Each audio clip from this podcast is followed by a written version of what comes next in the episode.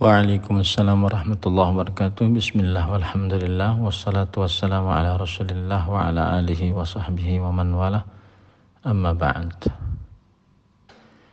Salah satu cara agar kita tidak marah atau berhenti marah atau menahan amarah adalah mengerjakan apa yang disebutkan oleh Rasulullah SAW yaitu dalam hadis sahih Idza ghadiba ahadukum falyasqut. Jika salah seorang dari kalian marah, maka hendaklah dia diam.